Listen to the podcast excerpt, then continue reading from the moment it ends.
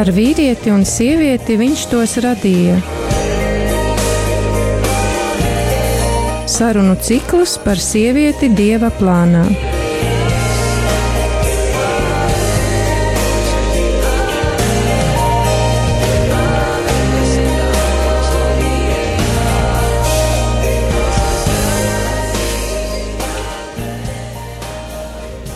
Lai slavēts Jēzus Kristus, labvakar klausītāji, ir otrdiena, 16. maijs, pulksten 17 un 3 minūtes. Ar tevi ēterā ir Iveta Šaicāne ar, nu, jāsaka, jaunu raidījumu Sieviete Dieva plānā. Šī ir otrā reizīte, kad mēs tiekamies un turpinās maija mēnesis, Dievmātes mēnesis, tikko mēs nosinām jau mātes dienu un Fatimas Dievmātes svētkus. Un eh, šodien vairāk lūkosimies, apdomājot sievietes aicinājumu uz dievmāti. Pagājušais mēs pieskaramies, kā Jēzus izturēs pret sievietēm, šoreiz par dievmāti, un tiešām Marija ir tāds skaists, dziļš un nu, noteikti arī līdz galam neizprasts un nenovērtēts sievietes tāds paraugs Un lūdzu, mīļie klausītāji un klausītāji, zvaniet, rakstiet un izsakiet savas pārdomas par to, kāds bija un ir Marijas paraugs, ko katra sieviete var mācīties no Marijas. Un tālrunis studijā ir 679, 691, 31, vai sūtiet SMS 266, 77, 272, vai rakstiet e-pastu studija at rml.lv. Un šodien mums studijā ir divas viesņas, un arī pats nama saimnieks Priesteris Pēteris. Uh, nu, par priesteris Pēteris noteikti jums ir ļoti pazīstams, tādēļ es uzreiz aicināšu viešņas iepazīstināt ar sevi. Mums ir Iveta Dobes Kuiņa un māsa Vianēja. Lūdzu, dārgās māsas. Es esmu māsa Karmelīte no bērniņa Jēzus Karmela. Esmu sieviete, esmu Kristus Līgala Marijas meita. Mani sauc Iveta Skuīņa. Esmu ģimenes cilvēks, esmu precējusies 20 gadus, ir trīs bērni, kalpoju arī kopienā Šeminef. Nu, tā īsumā viss, ja, bet uh, ar to vien nebūs gan. Es aicināšu. Vēlos, jā. jā, es pieteicu, pieteicu jūs, bet labi, ka jūs padevāt balsi. Uh, es atvainojos, priesteri Petri, varbūt jūs gribat par sevi kaut ko vēl pateikt. Jā, nē, paldies. Es tikai varu pateikt lielu paldies, uh, ka pie mums nāk ģimenes, jo Īveta, tā, kas ir kā viesis, ir sieva mūsu otrdienas rīta balsī, tā kā visi tie klausītāji, kas lūdzas rožu kronu no rīta kopā ar modri, tad var pateikt lielu paldies Īvetai, ka viņu viņu laiž no rītiem tik agri prom no mājām. Jā, paldies, Ivetai. Nu, re, tad varbūt iesāksim pārdomas par to, ko katrai no jums, nu, Marija, nozīmē kā paraugs. Kā jūs varbūt to izjūtat vai izdzīvot ikdienā, vai brīvi, ko, ko jūs pārdomājat, gatavoties šim raidījumam, varbūt jums brīvi kaut kāds ir pārdomas, ko jūs vēlaties padalīties. Nu, lūdzu, Iveta.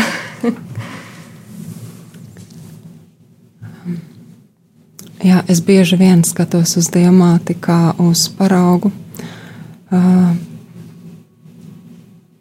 tas, kad es varbūt uh, ļoti īpaši sajūtu viņas atbalstu un palīdzību, bija tieši tādā intīmā priekš sievietes uh, brīdī, un tas, bija, tas bija visas trīs dzemdības.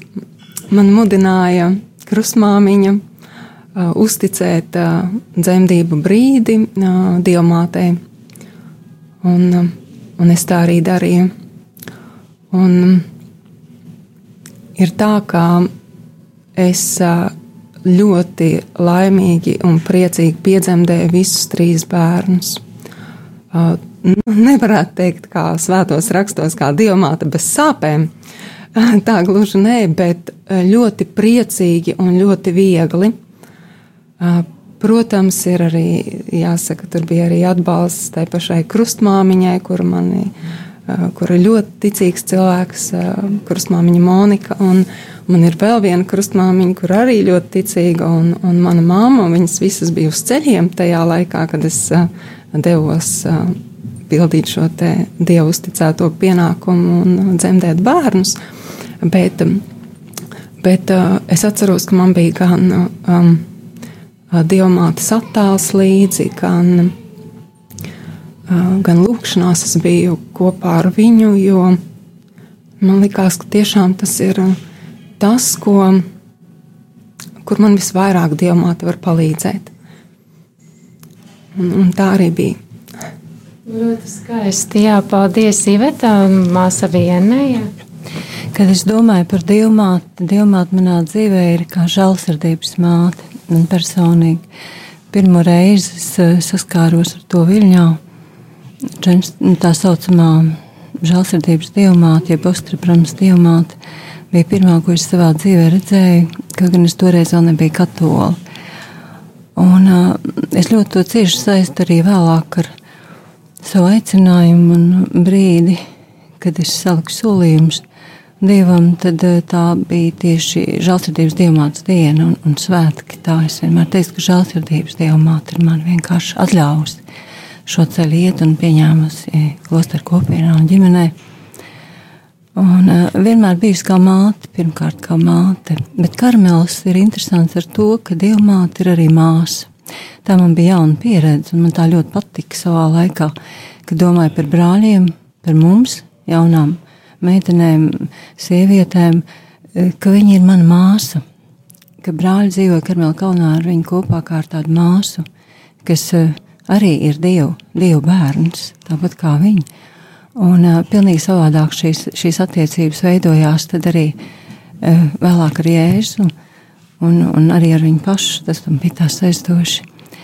Un vēl man ir tūs arī tas brīdis vienmēr, man liekas, katra cilvēka dzīvē, kad mēs arī lūdzamies un domājam par to, kā, nu tā kā Lūkas evaņģēlisms saka, ka eņģēlis atlidoja pie, pie, pie Marijas to brīdi, kad Dievs ienāk cilvēku dzīvē tāds mirklis, tāda intervence. Mēs arī to pašu piedzīvojam bieži. Mēs neredzam eņģeli, varbūt mēs, mēs neredzam gleznas, bet eh, es domāju, ka tas brīdis ir, ir tāds, kur mēs varam vienmēr no jauna, kad to atceramies vai lasām, identificēt kaut kādu mirkli savā dzīvē. Un ļoti vienoties ar Mariju, tajā tas ir kaut kas tāds, jo, kad saka, ka viņai bija bail vai viņa bija kaut kā pārņemta, tas taču ir tik normāli. Ienāk Dievs tavā mazā cilvēka dzīvēm un kaut ko piesaka. Nu, jā, tiešām. Priesteri Pēteri, jūsu pārdomas? Par Mariju? Par Mariju. Kā paraugu jūsu, varbūt, kā jūs viņu izjūtat vai izdzīvojat? Nu, man ir uh, tādas interesantas attiecības ar viņu, bet es atceros vienu spilgtu gadījumu, kad uh, viņa man ļoti palīdzēja. Man ir tāda tuva rožkroņa lūkšana dzirdēti ir droši vien, vai ne, daļai no jums. Un uh, es uh, ikdienā lūdzoties rožkroni esmu nu, saņēmis diezgan daudz, daudzas atbildes, un uh, viena tāda man bija, kas man īpaši tā palīdzēja piedzīvot, um, nu, izprast Dieva gribu savā dzīvē tieši lūdzoties rožkroņu lūkšanu, tā kā es ar Mariju komunicēju šādā veidā. Jā, paldies. Jā, tiešām es tā klausoties jūsu pārdomas ar tā, nu, padomā arī par sevīm, jā, tas varētu pievienoties gandrīz ka, katram viesim, katram, kas ko izteica, jo gan par to lūkšanu piekrītu, tas daudzas atbildes ir nākušas arī man pašai caur rožu kroņa lūkšanu, un, un arī zinu, ka, piemēram, tas pats Jānis Pāvils II, viņš bija ļoti sevi tā, nu, veltījis dievmātei, un, Un zinu, ka daudzi svētie bija teikuši, ka tas ir taisnākais ceļš pie dieva iet kopā ar dievmāti, jo nu, dievmāte tiešām nemeklē savu godu, tikai dieva godu, un viņa tiešām ir tā, kas var arī aizvest pie, pie dēla. Un arī ļoti interesants bija šis stāsts par to dievmāti kā māsu. Tā es pat par to nebiju padomājusi. E, jā, dārgie klausītāji! Aicinu jūs arī zvanīt un izteikties, kā jūs piedzīvojat dievmāti kā pāraugu vai kā to, kas ved jūs pie dieva. Tātad, kā jau minēju, tālrunis studijā 679, 691, 131, un sūtiet arī SMS 266 772 72 vai rakstiet uz e-pastu studija at rml.lv. Um, tagad mēs aiziesim nelielā muzikālā pauzītē un tiksimies pēc neilga brīža.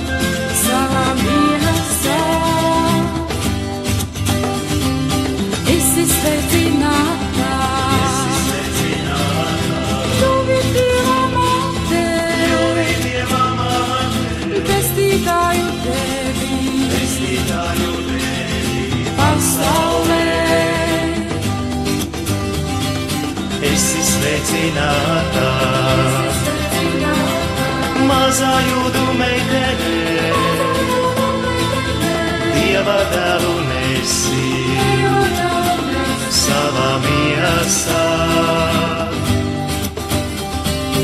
Esi sveicināta, esi sveicināta, kļuvi Dieva māte, kļuvi Dieva māte, pestītāju devi, pestītāju devi, pasaulē.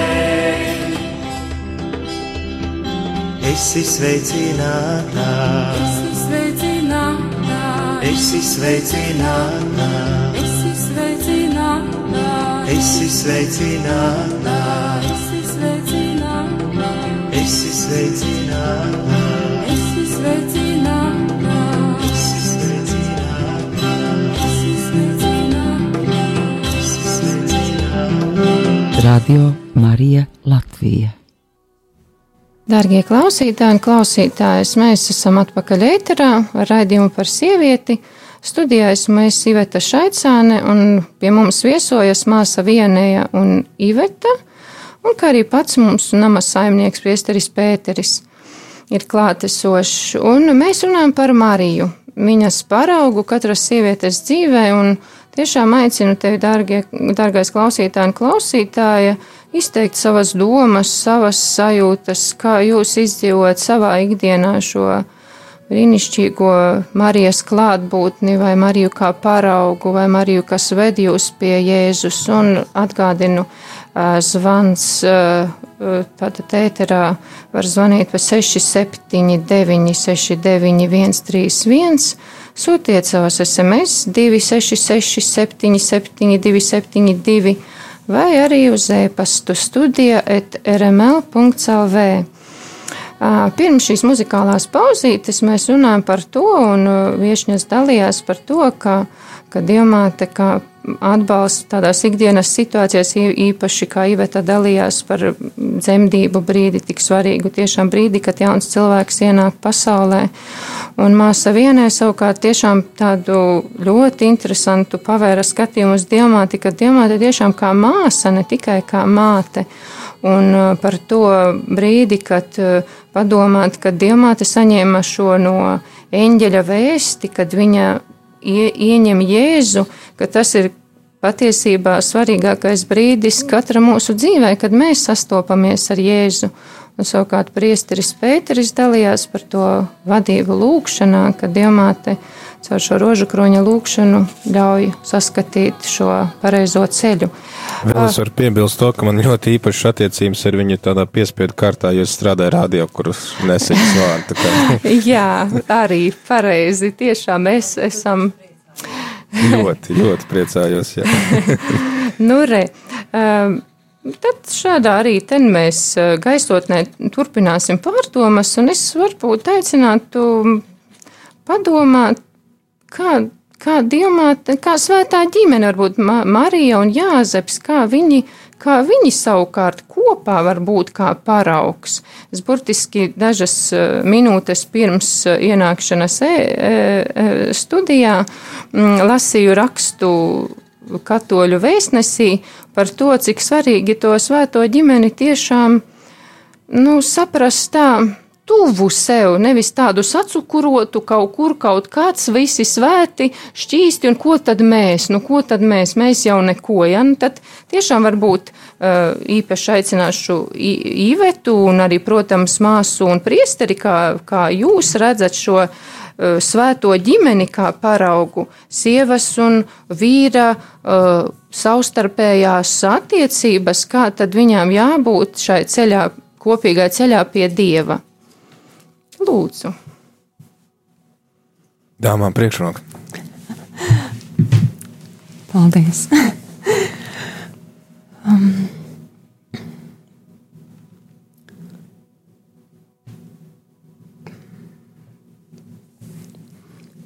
Jā, Iveta, grūti, grūti sakoncentrēt domas.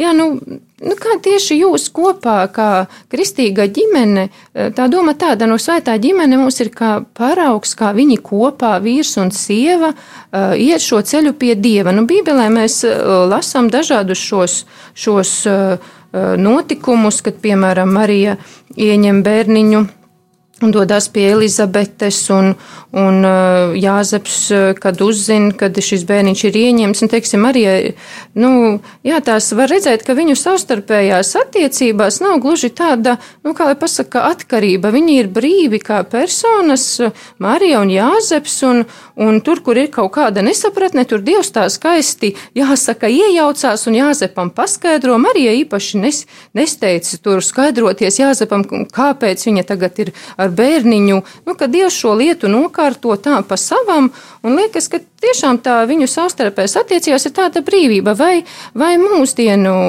ģimenes, eh, īpaši kristīgās ģimenes, kas jau seko šim, šim svētās ģimenes paraugam, vai jūs izjūtat šo brīvību savstarpējās vīriešu un sieviešu attiecībās, meklējot šo kopīgo ceļu pie Dieva? Nu, teiksim, varbūt, nu, kādā mērā, un arī varbūt vīrieši var zvanīt un dalīties par to, kā viņi savā uh, ģimenes dzīvē šo galvas funkciju, teiksim, veids, un kā sieva savukārt balsta vīru, vai, nu, kā šī, nu, tādā varbūt kontekstā kaut kā var padalīties, Iveta. šī sadarbība notiek. Jā, kā tieši šī sadarbība. Jā, jāatzīst, to mēs esam ceļā uz šo sadarbību mūsu ģimenē. Katrā ziņā tā ir daudz labāka nekā laulības sākumā. Mūsu ģimenē ir tā, ka vīrs ir nepilnus desmit gadus vecāks par mani, un laulības sākumā man likās, viņš ir vecāks un gudrāks un stiprāks un, un pieredzējis, un, un es visā varu paļauties. Bet uh, varbūt es pa daudz gribēju, pa daudz gaidīju, un, uh, un tas varbūt nemaz arī nav, nav vīrieša spēkos un arī vajadzīgs uh, tik daudz būt par atbalstu pilnīgi visā. Un ar laiku es arī pārliecinājos, ka ir lietas, ko, ko es tiešām labāk izprotu. Un kaut kā tā pati mājas sadzīve un, un varbūt nav vajadzības apgrūtināt viņu ar, ar maziem sīkumiem, kurus es uh, lieliski pati saprotu. Un arī pēc tam ar gadiem es jau, kā lai saka, tāpat kā es strādāju ikdienā ar darba līgumiem. un tad ir tāda iedomājamā daļa un, un nu, tādas lietas. Un, un, jā, mums ar laiku radās arī tā, ka nu, ir kaut kādas, kaut kādas jomas, ko viens pārņem tā kā labāk, tāpēc, ka padodas, tāpēc, ka ir izpratne, un ir kaut kas, ko, ko otrs vairāk veids.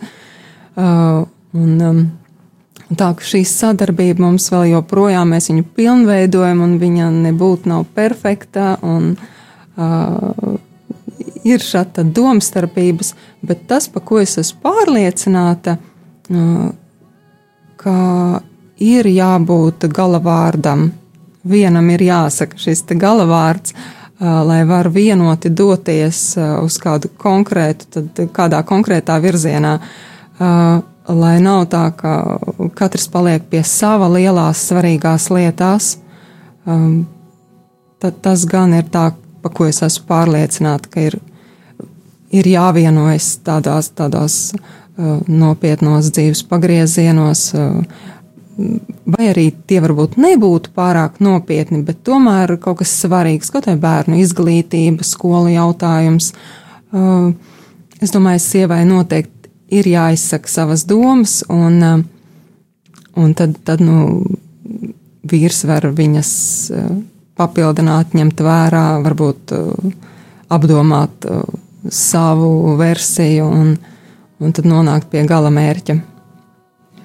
Liekas, jā, tā klausoties, ko, ko tu stāsti, jā, es tā arī, nu, mēģināju par, savu, par savu ģimeni tā domāt. Un tiešām es to arī tā redzu, ka tā nu, svarīga ir tā, bet tas notiek tā, nemā, nav tā mākslīgi, ka tāds vīrs kaut, kā, kaut kādu zīmogu atnāca un uzspieda jā.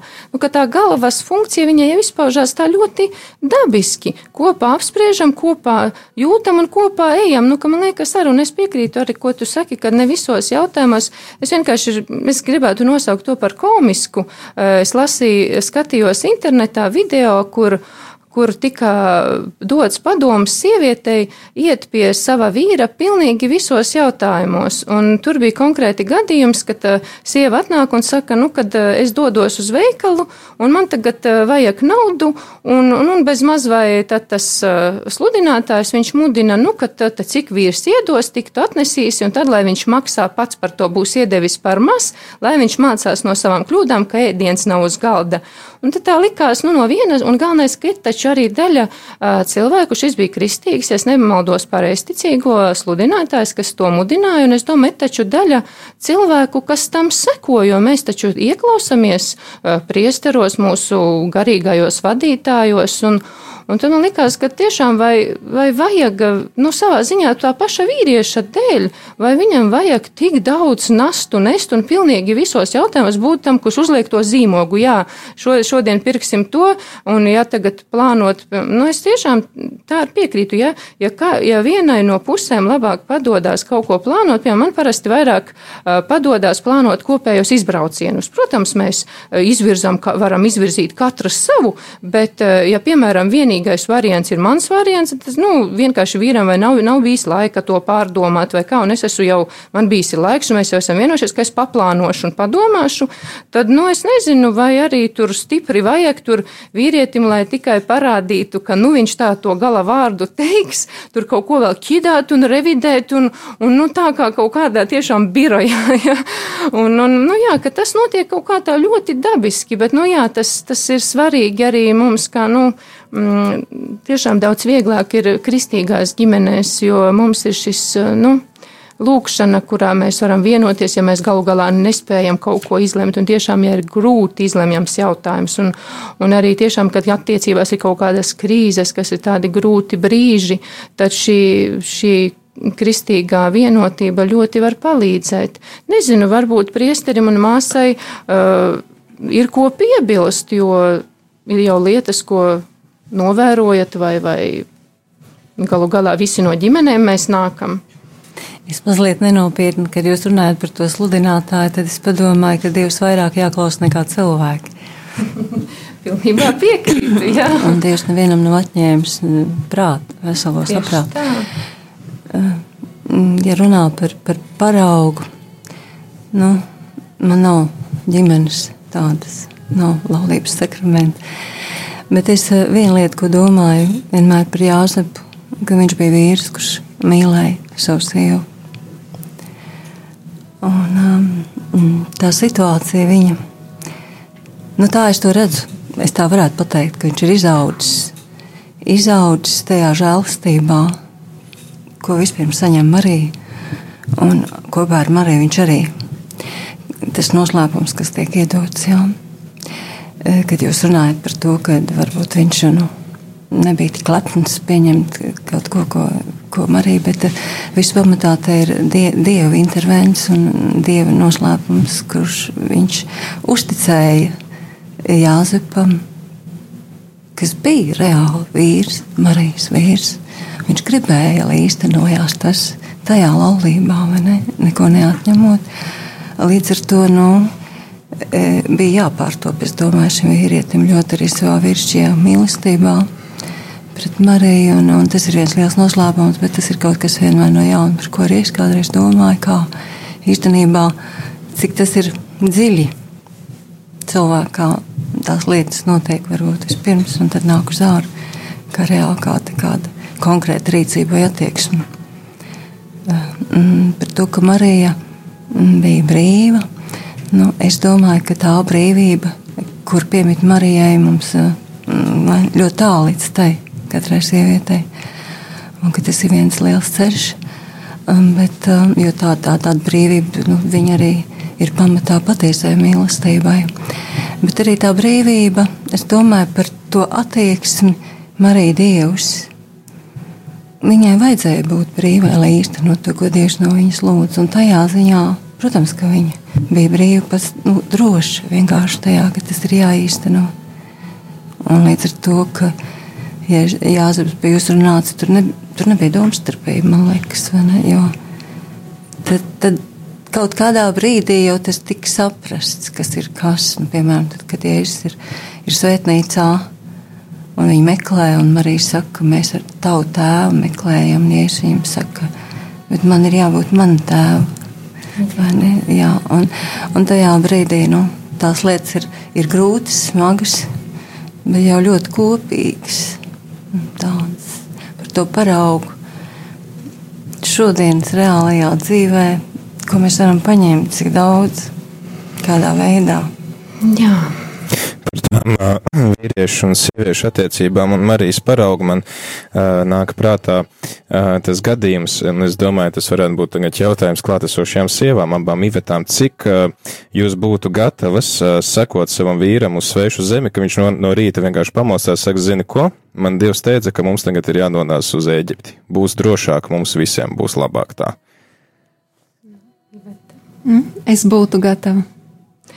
Uh, Es, uh, kad šo notikumu lasu Bībelē, tur tiešām ir ļoti nu, skaidrs, ka tur pat nav variantu, jo Jāzeps to pasniedz kopējās drošības, bērna drošības labā. Tur pat nav tā, ka no rīta pamodās, nezinu, ah, braucam šodien, man vienalga, kas ar tevi, kas ar bērnu, un ka tur ir skaidrs, kāpēc. Un man liekas, ļoti daudzās ģimenēs tie, uh, var rasties problēma tieši tāpēc, ka nu, kad nav varbūt šī kopējā vīzija tāda plašāka, jo problēmas jau rodās tad, kad mēs grozamies ap savu egoistisko es gribu, es negribu, bet tad, kad ir šī kopējā vīzija un īpaši kristīgās ģimenēs, kad mēs varam jebkurā brīdī vērsties pie Dieva, tad es domāju, tā ļoti daudzas ģimenes ikdienā piedzīvos. Arī nesen uh, mūs, no mūsu draudzes, Jelgavas draudzes ģimene aizbrauca uz ārzemēm dzīvot ar visiem saviem četriem bērniņiem, tāpēc, ka vienkārši tā finansiālā situācija šeit Latvijā bija tāda, un, un vīrs programmētājs, viņš šeit nevarēja atrast tādu piemērotu darbu, lai uzturētu savu kuplo ģimeni, un es nedomāju, ka šis lēmums bija viegls, bet bija šī kopējā vīzija, bija šis lūkšana atrastais kopēja atbilde, ka tā jādara. Un man nebūtu grūtības, ja es redzu šo kopējo skatījumu, bet man ir Nu, jā. es, tas mans, kāpēc es uzdevu šo jautājumu, jo tas ir arī tas mans skatījums, ka šajās attiecībās ir vajadzīgas, nu, vajadzīgas sarunas, bet es domāju, ka, nu, es domāju, ka jebkurai sievietei Marijai droši vien pirmā reakcija būtu, nu, nu, jo tas jau mums tagad ir viegli lasīt evaņģēlī, ja, ja eņģēlis parādījās, iedvesma nāca sapnī, parādījās, kā tu zini, ka no kurienes viņam tas sapnis nāk? Kā tu zini, ka vienkārši, nu, es domāju, ka viens jau pašam Jāzepam bija izaicinājums tagad saprast, ka tas nav vienkārši kaut kāds parasts sapnis, kas ir radies no stresainas dienas darbām, bet ka tas ir sapnis, kurā Dievs iejaucas un ļauties šai Dieva vadībai un vēl pārliecināt sievu ar tikko dzimušu bērnu, kurai, man liekas, nu, vienkārši defaultā nekur negribās iet un neko darīt, sēdēt mājās un mainīt pampers. Tā kā Nu, tas ir izaicinājums, es domāju, mums visiem mācīties pazīt šo dieva gribu un mācīties pazīt otra nodomus. Un uh, galu galā arī par, par Mariju. Uh, viņai, protams, ir savs aicinājums, un viņa uh, tomēr arī evaņģēlijā, nu, mēs lasām, piemēram, tajā pašā Jēzus dzīvē kā māte. Uh, nu, reti, kad viņa uh, nu, beigi tur sāk audzināt jēzu, klausies, tu uzvelc zeķītes, uzvelc cepurīti, vai tu esi paēdis. Jā, viņi tur kādā brīdī atnāk ar jēzus brālēniem, un viņam saka, tava ģimene ir atnākusi, bet tajā pašā laikā viņa ļauj šai dieva gribai notikt. Viņa ļauj, uh, viņa redz, ka Jēzus ir pazinis savu aicinājumu, un viņa vienkārši nestājas tam ceļā un ļauj tam notikt. Tā kā Es domāju, tas ir jautājums nu, šajās vīriešu un sieviešu attiecībās abiem diviem spēt atpazīt šo dieva gribu, atpazīt otru nodomus un vienkārši ļaut tiem notikt. Jā, pilnībā piekrītu. Jā, paldies viešņām studijā un priesterim par izsmeļošo komentāru. Mēs varam tā aiziet muzikālā pauzītē un tad tiekamies pēc neilga brīža.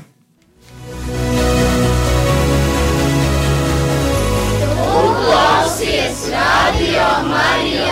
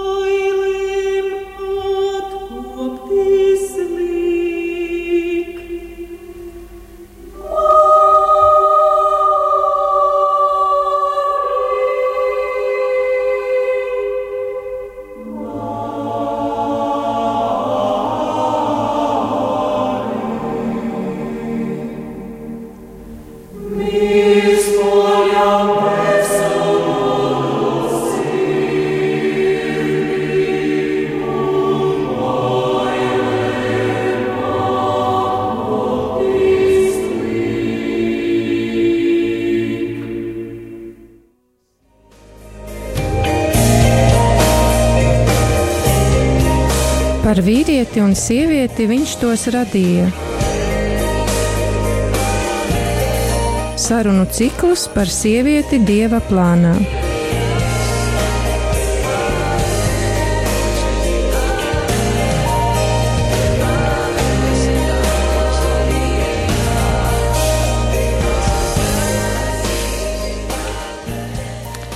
Dārgie klausītāji un klausītājas, esam atpakaļ ēterā raidījumu par sievieti. Studijājas mēs Iveta Šaicāne, un pie mums viesojas māsa Vienija un vēl viena Iveta, un kā arī pats namasaimnieks pēt, priesteris Pēteris.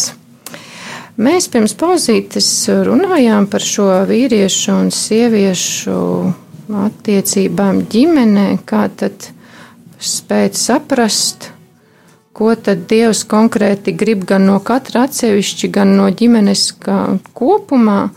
Un tiešām kā priesteris Pēteris to arī formulēja, ka ir svarīgi to tā arī apzināties, kad, un, kur ir šie kopīgie varbūt mērķi un, un tos lūkšanu varbūt saprast un izzināt, un kur arī katram saprast, ko tad priesteris minēja šo Marijas un Jēzus piemēru, kad Jēzus dara to, ko viņš dara, un Marija netraucē Un, un, un, un teiksim, to, noteikti to pašu var saskatīt arī Jāzepa un Marijas attiecībās, kad nu, to, ko Dievs saka, jo Dievam tiešām ir jāklausa vairāk nekā cilvēkam, bet te ir arī tā sadarbība kopējā, tie kopējie ģimenes mērķi.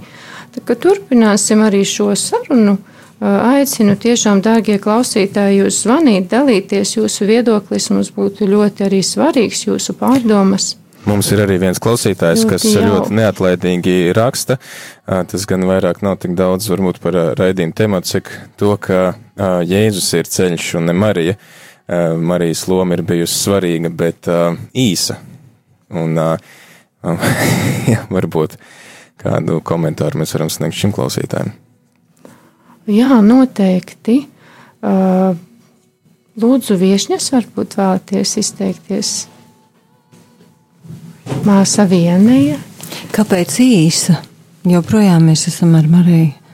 Joprojām ar Mariju mēs nu, esam, esam spiesti, gribam vai negribam, no jauna ielūkoties pestīšanas vēsturē un ar vienu no jauna pie Jēzus atgriezties. Es to nejūtu tā, ka kaut kas ir beidzies. Um, es uh, varbūt uh, gribēju tādu no savas dzīves tādu piemēru īsu par to, kā ir, ir brīži ģimenē, ir tiešām citreiz gadās tā, ka um, ir kāds, kāds domstarpības bijusi un ir um, grūti ap sirdi un, uh, un nevar saprast, ko īsti Dievs no tevīm grib. Un, uh, un tad, tā kā klausītājs raksta, tad tiešām ir tā, ka, ka es lūkšanā vēršos pie Jēzus. Un, un tā kā arī iepriekšējā raidījumā jūs pieskārāties, ka Jēzus ir tas, kas sievietei izrādīja cieņu toreiz, tajos laikos. Viņš arī lūkšanā parādā man, manu cieņu, manu, manu būtību, arī to, kas es esmu priekš viņa. Un, uh, un uh, šādi ar dieva acīm es sevi ieraugu, un, um, un, es, un es saprotu, cik es esmu vērtīga viņa acīs, un tas mani ceļ. Un, uh, un tad ir tā, ka pēc šādas sarunas ar Dievu um, es varu mierīgi atgriezties mājās arī pēc kāda pārdarījuma vai, vai um, kāda skarbāka vārda, un, un Dievs man ir parādījis, cik ļoti Viņš mani mīl. Uh, un man vairs nesāp īstenībā tik ļoti, ja man ir uh, bērni neklausījuši vai kaut ko skarbāku varbūt atļaujušies, vai ir bijušas domstarpības ģimenē. Un, jā, es piekrītu tam zvanītājam, ka jā, Jēzus ir tas, kas. Uh, Ir tas, kas mūs dara brīvus, kas, um, kas piešķir mums uh, mūsu dzīves jēgu, vērtību.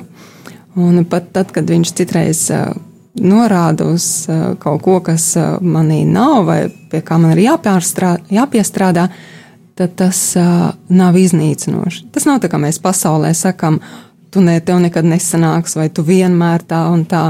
Uh, ja kungs kaut ko norāda, tas ir maigi un, un dziedinoši. Un, un tev gribās pilnveidoties uh, viņam par prieku. Un, Bieži vien viņš arī kaut ko lūkšanā norāda to, kas, kas man būtu ģimenē jādara. Un, un es varu atgriezties pēc šīs lūkšanas mājās un, un, un būt priecīgi ieraugot savu vīru un mēģināt vēl un vēl un katru rītu izvēlēties mīlēt.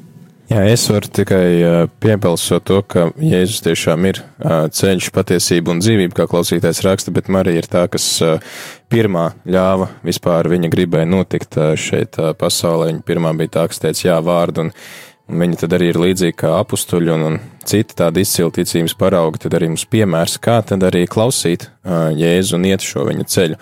Bet attiecībā par to, ko mēs runājām iepriekš par tām vīriešu un sieviešu attiecībām un tu īpaši īviet uzdev to jautājumu par autoritāti un kā tagad to pieņemt, ka ja pat sieviete kaut kādā jautājumā orientējās labāk nekā vīrietis, kāpēc viņiem būtu jāpieņem tā vīrieša autoritāte, man nāk prātā klosteru dzīves piemērs. Māsa man varbūt palabos, ja es kļūdos, bet eh, cik es esmu lasījis Benedikta regulu, man ļoti uzrunāja tas, ka tas abats ir tas, kas nes visu atbildību un kurš pieņem lēmumus. Bet uh, Protams, ka lēmumu pieņemšanā piedalās visi brāļi, un tur arī Benedikts raksta, ka arī visjaunākajiem brālim, kas ir iestājies klosterī vakar, arī viņam ir jādod šo iespēju izteikties, um, paust savu viedokli, iespējamo risinājumu kaut kādā jautājumā, kas skar klostera kopdzīvi, kas arī savā ziņā ir kā tāda ģimene, bet beigās jau to lēmumu pieņem abats. Un uh, Dievs ir viņam uzticējis tā autoritāti. Man liekas, šodien mums ir principā problēma pieņemt kādu, kam ir autoritāte, bet autoritāte arī ir tāda svētā gara harizma, kuru mums ir jāmācās izmantot un kuru mums ir jāmācās arī pieņemt. Un pat ja šī autoritāte kļūdās, man ļoti patika, kā mūsu treneris eh, turnīrā, kad, eh, ja es spēlēju komandā, kurā nav treneri, un mums bija līdzi treneris no cita kluba. Un eh, tas bija ļoti skaidri redzams, ka tā komandas daļa, kas nāca no otra kluba, kurā ir treneris, viņi pieraduši paklausīt treneru nu, norādījumiem. Savukārt mēs otra šī komandas daļa, kas bijām aizbraukuši uz turnīru, kuriem nav treneri, mēs visu laiku darījām pa savam. Un eh, tajā brīdī, kad kom komandas spēle negāja, tad tas treneris arī teica, ja jūs nedarīsiet tā, kā es saku, spēle neies, jo katrs pieņem savus lēmumus uz laukumu, bet ja visi izpilda trenera norādījumus spēles laikā, un ja tad spēle neaiziet, viņš saka, ok, tad tā ir mana vaina kā trenerim, es neatradu pareizo taktiku, man ir kaut kas jāmaina, bet tik ilgi, kamēr jūs katrs pieņemat savu lēmumu uz laukuma, tik ilgi tā spēle neies nevienam. Un es domāju, līdzīgi arī ģimenē un sabiedrībā un visur tik ilgi, kamēr es domāšu, ka es esmu gudrs un, un arī īstenībā man ļoti patīk Jāņa pakāpnieka tāds padoms. Pat ja tavs lēmums tiešām arī un, un, un padoms ir vislabākais risinājums šeit un tagad, tomēr paļaujies un paklausi tai autoritātei, kuru Dievs tev ir iedevis, jo tu nekad nekļūdīsies paklausot. Un es domāju, ka arī mums ir jāņem vērā šo, nu, lietu kārtību, kad Dievs radīja vīrieti, viņš vīrietim teica, tu sargā kārtību dārzā. Tu esi tas, kas kop dārzu. Viņš arī redzēja, ka vīrietim vienam pašam tas nesanāk, viņš viņam deva palīgu, un beigās arī atbildību par to, ka viņš nenosargā šo kārtību dārzu, viņš prasa no Ādama, nevis no Ievas. Tā kā es domāju, ka nu, to arī mums ir varbūt jāmācās šodienas cilvēkam kaut kā saprast ar visu to, ka mūs kaitina autoritātes, mūs kaitina uh, Arī šodien mums bija katehēze par eh, pāvestu, kurš, jā, ir maldīgs cilvēks, grēcīgs cilvēks, bet tajā pašā laikā ir jautājumi, kuros Dievs viņam ir devis harizmu būt nemaldīgam. Un tik ilgi, kamēr mēs klausīsim eh, šai autoritātei, tik ilgi arī mēs nekļūdīsimies. Protams, arī, kā māsa saka, katrs, katram ir smadzenes un eh, katrs domā līdzi ar veselo saprātu, bet, nu, tajās robežās, kur netiek pārkāpt kaut kādi morāls principi, tur mums ir jāmācās vienkārši paklausīt tiem, kuriem Dievs dod šo autoritāti. Jā, es pilnībā piekrītu. Es tikai domāju par to, ka, ka nu, daudzas lietas mums ir vēl jāpadziļina izpratne par, par to, kas tad bija šis palīgs, ko Dievs deva. Uh, jā, jā, kas, kas viņa bija, kā viņa savu lomu uh, var realizēt, un īpaši mūsdienās to nu, ir ļoti grūti iedot vienu tādu šablonu un pateikt, rekutē, uh, Šitā rekutē tā, nu, jo atcerēsimies arī to, ka cilvēki bieži ir nu, tādi, kādi viņi ir. Un cits ir emocionāli nobriedušāks, cits nenobriedušāks. Ja runa ir tikai par vīra un sievas attiecībām, es lielā mērā piekrītu, ka šeit arī, ja kļūdīsies, nekas, bet bieži ir iesaistīti arī bērni. Un, diemžēl, var gadīties, ka tas, nu, uh, maksās arī bērni par kļūdainu, nu, teiksim tā, kaut kādu lēmumu. Tāpēc es domāju, ka nevar pateikt tik viennozīmīgi, tik, tik pilnīgi.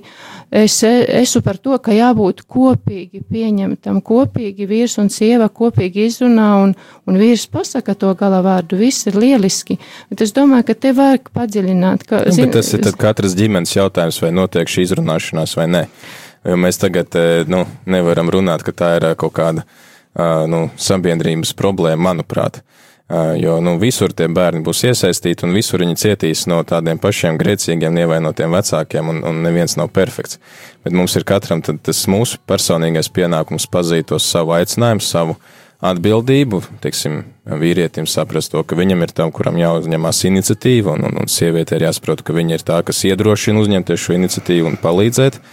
Vai bērni, kuriem ir jāmācās saprast, ka arī viņu vecāki ir nu, ierobežoti cilvēki, un, un ka viņi var rīkoties saskaņā ar to savu jau izvēli, neskatoties uz to, ka varbūt vecāki viņus ir audzinājuši kaut kādā vienā vai otrā veidā, kur varbūt labu gribēdami viņi ir arī nu, reizē ievainojuši tos vecākus. Tas ir mans personīgais uzskats. Bet var pievienoties pārējās dāmas, citādi mēs te arī divi tā runājam. No pieredzes varu teikt, bija, bija tāda iespēja pabūt Francijā kopienā, un, un bija tēma brālībā par paklausību. Un tad pavīdēja, pavīdēja tāda versija, ka tie, kas mēs esam no bijušajām savienības valstīm, un arī Čehija, un vēl tur bija brāļi no citām, citām valstīm, kas ir bijuši līdzīgā sistēmā kā mēs, politiskajā, tad esot problēma ar autoritāti, tīri vēsturiski, ir, ir šī problēma, jo tiešām tas, uz ko, ko sludināja, uz ko mūs mudināja, tas bija apšaubāms jau pašos pamatos. Un, un tas ir jau izveidojies jau no paudzes paudzē, ka tev jādomā visu laiku ar savu galvu. Un kaut kādā mērā es to pieķēru arī sevi pie domas, jā, ka nav tā, ka es pilnīgi akli varētu uzticēties. Es noteikti apsveru arī padomāju pati, un, un ir kaut, kāda, kaut kāds moments, kad ir tāds iezogās tāds apšaubīšana, vai, vai tik tas ir pareizi, vai, vai es varu tā nemaldīgi uzticēties. Protams, nemaldīgi dievam, bet tas ir viennozīmīgi, bet pārējo ir bieži vien tāds ģimenē jautājums. Paldies, māsa! Nu, man ir vienkārši tā, kā Pēters teica, ka, ja tā ir dieva dota autoritāte, tad jautājumu nav. Tā ir priekš manas autoritāte, un ja es esmu solījis paklausības solījumā, ka paklaust, tad es pieņemu to kā galvārdu. Taču nu, tāda lieta kā dialogs, tomēr man liekas, ir ļoti svarīga šodien. Nē, jā, es, es, domāju, nē, es nekādā gadījumā nevedinu domāt, ka vīram nav autoritāte. Es esmu par to. Bet arī, ja mēs skatāmies, kā jūs minējāt par to, ka, piemēram, klosterī solījums paklausības solījums, bet, kad vīrs un sieva dodas laulībā, tad viņi sola viens otru mīlēt un atbalstīt sāpēs, bēdās, un ka tas, nu, nav tik, nu, kāpēc mums gribās ielikt tādā vienā atvilknītē un, un pateikt, nu, šā, nu, nezinu, man liekas, ka tas nav, nu, kaut to, ja mēs skatāmies uz to pašu Marijas piemēru, nu, nezinu, vai tur tā uzreiz var saskatīt, kad Marija un Jāzeps, es viņu, viņus tiešām, nu, tā uztveru kā pilnvērtīgus, ļoti nobriedušus, pieaugušus vīrieti un sievieti, un līdz ar to viņu sadarbībā, nu, nekur tādu lasot evaņģēliju, mēs tā neredzam, ka tur tagad, nu, tik jau, nu, gribās, lai tas, nu, Jā, viņš to noteikti tas notiek kaut kā dabiski. Es nezinu, es labprāt gribētu dzirdēt arī citu ģimeņu viedokli, vai tiešām tas ir kaut kā tā, ka, nu kā tad vīrs ir šī galva, vai tiešām viņš kaut kā panā, atnāk un tikai tad, ja viņš pateiks to gala vārdu, bet tas gala vārds bieži neizpaužās. Gluži tā, ka viņš izskanēja no vīrieša mutes. Tas gala vārds ir kopīga kopīgi atrast risinājumus, un varbūt to nu, vīrs un sieva jau dzīvojot kopā, saprotas bieži no pusvārda, no žestiem, no skatieniem, un tas atnāk kaut kā dabiski. Un nav tā, ka mā, samāksloti jāparāda es. Nu, es nezinu, man tas liekas ļoti mākslīgi. Es nezinu, kā tas notiek klostros. Varbūt ir kaut kāda sapulce kopā nākšana, kur tiešām šī priekšniecība iznāk un pasaka, tu dari to, tu dari to. Bet ģimenē tā ir tāda varbūt pat vienīga sēdēšana pie galda, ko mēs šodien darīsim. Paspriežam savā starpā un beigās atnāk tas risinājums, un citreiz viņš pat atnāk tik. Nu, tik tā, negaidot. Es varu dot vienu piemēru no radio dzīves, kur mēs arī esam kā ģimene, un, piemēram, nu, man ir diezgan liela autoritāte un atbildība par lēmumiem, kas man ir jāpieņem. Bieži vien ir kolēģi, kas man nepiekrīt, un man nākas nu, ieklausīties tajā, ko viņi saka, bet es zinu to, ka es pēc tam būšu tas, kas pieņemšu to gala lēmumu. Un man ir, piemēram, ļoti liels prieks par to, ka es zinu to, ka arī, piemēram, Judīta, kuriem būs uh, liela atbildība par uh, visu finansiālo pusi, vai Māris, kuram pēc tam būs par tām idejām jārunā ar brīvprātīgajiem, ka viņi tomēr, uh, nu, pat ja viņiem būs atšķirīgs viedoklis, bet ja viņi redzēs to, ka pēc visas diskusijas es kā šī, nu, teiksim, autoritāte, es redzu to, ka labākais risinājums ir, ir, ir tāds, kādu es to pieņemu. Es, man ir tiešām liels prieks, ka komanda arī tad atbalsta un iet šo ceļu. Un uh, citreiz ir arī tā, ka es ieklausos un es dzirdu, o jā, tiešām varbūt citi risinājumi, varbūt labāk risinājumi, un es saku, ok, labi, Māri, vai Rihards vai Ginter darīsim tā, kā tu to saki, vai, vai Velta vienalga. Jā, vai varbūt kāds vispār brīvprātīgais no malas atnāk. Bet beigās tā atbildība tiek prasīta no manis. Un es nevaru vienmēr eh, sākt svārstīties, pie manis atnāks tagad Judita, teiks, zin, ko mums ir maz naudas, mēs šito projektu atceļam, vai atnāks Rihards, viņš teiks, baigi labs projekts, un mums tur ir jābrauc un jātērē tā nauda, un es vienreiz pasaku, paklausot Judītē, ka nē, davai nedaram, un pēc tam es paklausu Rihardam, davai daram, nu, šāda autoritāte galīgi garām. Un tāpēc arī nu, mums ir šīs autoritātes, kuras, kurām ir liels izaicinājums, un es domāju, ka arī vīriem ģimenēs, nu, savā ziņā mēs to varam pārcelt uz ģimeni, ka ir šis princips ir jāmācās, ieklausīties, jā, ko bērni grib, ko sieva vēlas, ko viņi redz, kas ir labāk, un tomēr, nu, viņš ir tas, kuram Dievs ir uzticējis šo autoritāti pieņemt gala lēmumu. Un tas, protams, notiek nu, dialogu rezultātā. Bet uh, es domāju, jebkurā gadījumā, pat ja ir dialogs vai nav dialogs, tas lēmums ir jāpieņem. Un viņš nevienmēr visiem patiks, un nevienmēr visi būs sajūsmā par to. Bet mēs redzam, ka beigu beigās Dievs strādā arī caur, uh, nu, caur ievainotām autoritātēm, Dievs strādā arī caur uh, grēcīgiem cilvēkiem, un tas ir jautājums, cik mēs tad arī mācāmies uh, nu, paklausīt. Jo nevienmēr arī tās autoritātes mums ir draņķīgas. Un ir arī labas autoritātes, bet mēs bieži vien šīs autoritātes norokam, jo vienkārši visi viņas visu laiku grauj. Man ļoti patika Johannes Hartla tāds ieteikums par autoritātēm. Viņš saka, mēs esam pieraduši kritizēt bīskapus, kuri neko neprot, mēs esam pieraduši kritizēt valdības, kuras neko nesaprot un, un nerīkojas, bet viņš saka, ļaunais gars, ja viņš grib satriekt kādu sabiedrību, viņš uzbruks tieši autoritātei, jo zivs pūs no galvas. Un ir jautājums, vai nu tie, kas ir teiksim, sabiedrības zem valdības, vai uh, ticīgā tauta zem bīskapa, vai uh, nu, bērni zem vecākiem, vai viņi paklausīs un atbalstīs savus vecākus un neļaus ļauniem garam varbūt viņiem, uh, nu, viņus satriekt, vai tieši otrādi viņi vēl būs otrs tas dzirnakmens, kas spiedīs no otras puses, un tad viņus mals gan ļaunais gars, kurš mēģina satriekt sabiedrību, un viņš labāk strādās nevis pie katra no mums atsevišķi, bet viņam vieglāk ir uzreiz sākt ar, ar vadību, un lai iestājas anarhija, vai arī, nu, tad būs šis atbalsts no otras puses. Jā, paldies, prie, priesteri Pēteri, tiešām, jā, Iveta. Es vēl gribēju piebilst, uh, uh, man kādreiz Latgalē vecmāmiņa teica, ka uh, ir tāda dabīga autoritāte, nu, tā kā mm, neformālais līderis, varētu teikt, mūsdienu sabiedrībā tādu, tādu termiņu, bet ir tāda dabīga autoritāte, un, un tā, tā piemīt tam, kurš visvairāk mīl, viņa ir vienkārši dabīga, un uh, viņu nevar noslēpt, viņu nevar ielikt maisā, viņu nevar aiz durvīm aizslēpt, viņu vienkārši, viņu vienkārši ir, jo tāpēc, ka tu mīli, un to mīlestību mēs saņemam, nu, vistiešāk no Dieva, bet arī pastarpināti caur cilvēkiem, caur māsas apskāvienu, caur, caur tuvākiem kolēģiem, bērniem, tā ka es pieņemu, ka mīlēsim, un mums būs katram skaista autoritāte, un mēs varēsim arī saskatīt to lielo autoritāti, Jā, es tiešām piekrītu šiem vārdiem par tiešām mīlestība ir pats galvenais. Šis uh, rādījums tuvojas noslēgumam. Paldies viešņām Ivetē un māsai Vienējai un paldies priesterim Pēterim. Jā, ieskicējās tāda aina. Es domāju, mēs nākošā reizē varētu par to turpināt runāt, jo tiešām problēma nav ne vīrietī, ne sievietē. Problēma ir tiešām šai melutēvā, kurš jau no kopš pasiem, pašiem pirmsākumiem ir iemanījies ienes šķelšanos starp abiem dzimumiem. Tāpēc nākošā reizē mēs mēģināsim par šo tēmu arī sarunāties. Paldies, dārgie klausītāji! Un uh, tad tiekamies atkal 30.05. Ar jums ēterā bija Veta Šaicāna raidījumu Sieviete Dieva plānā. Svētīgu vakaru! Slapu.